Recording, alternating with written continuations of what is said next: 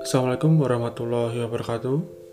Catatan untuk masa depan adalah usaha saya untuk meninggalkan jejak di internet.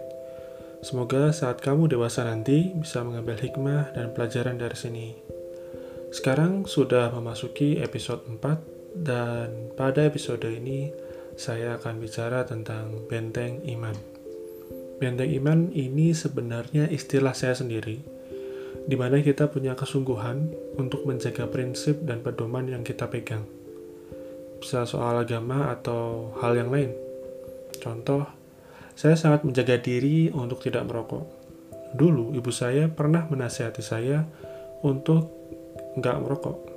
Ibu saya sering menasihati banyak hal, tapi entah kenapa nasihat yang ini menempel terus di kepala saya saya ingat saya SD dan dinasehati untuk tidak merokok. Di umur segitu masih gampang karena anak SD yang lain nggak merokok jelas. SMP juga sama. Baru di SMA, kuliah, dan saat kerja itu berasa tantangannya. Karena banyak banget teman saya yang merokok. Nah, benteng iman berperan di sini. Mau tetap kokoh untuk menjaga prinsip atau enggak? Saya mencoba untuk bertahan dengan prinsip tidak merokok ini. Salah satu caranya dengan tidak mau beradaptasi dengan asap rokok. Saya beranggapan orang yang jarang kena asap rokok sekalinya menghirup asap rokok itu kayak mencium sesuatu yang asing. Itu yang mau saya pertahankan. Makanya saya menjaga diri dari asap rokoknya.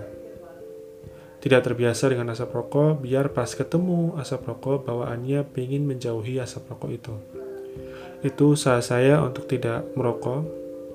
Itu usaha saya yang saya maksud dengan benteng iman. Kokoh menjaga prinsip dan pedoman yang kita pegang.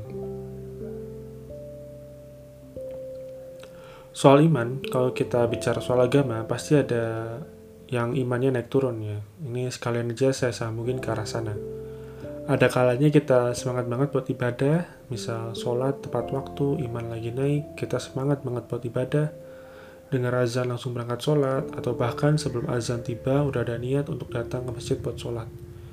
Namun ada kalanya iman turun, semangat untuk ibadah menurun, sholat di akhir waktu, di menit-menit terakhir, sholat gak usyuk, um, tidak dikerjakan dengan serius dari sepengetahuan saya dan sepengalaman saya ya emang kayak gitu.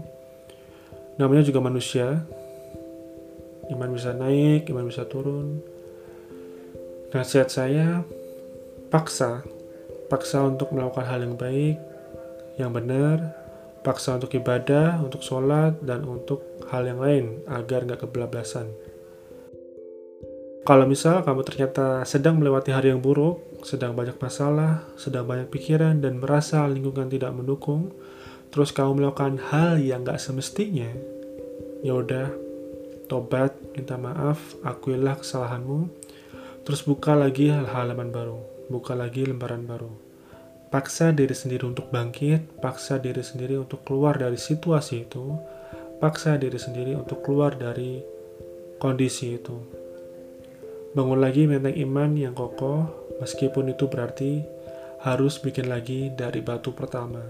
Gak apa-apa, ulang lagi dari awal. Hidup emang kayak gitu, banyak tantangannya, banyak rintangannya. Ada yang gampang dilalui, ada yang susah. Yang penting tetap jaga imannya untuk tetap di jalur yang benar. Kalau ternyata kamu melakukan suatu kesalahan yang harusnya nggak kamu lakuin, minta maaf, akuilah kesalahannya, terus perbaiki lagi dengan membangun benteng iman yang kokoh. Itu aja dari saya. Wassalamualaikum warahmatullahi wabarakatuh.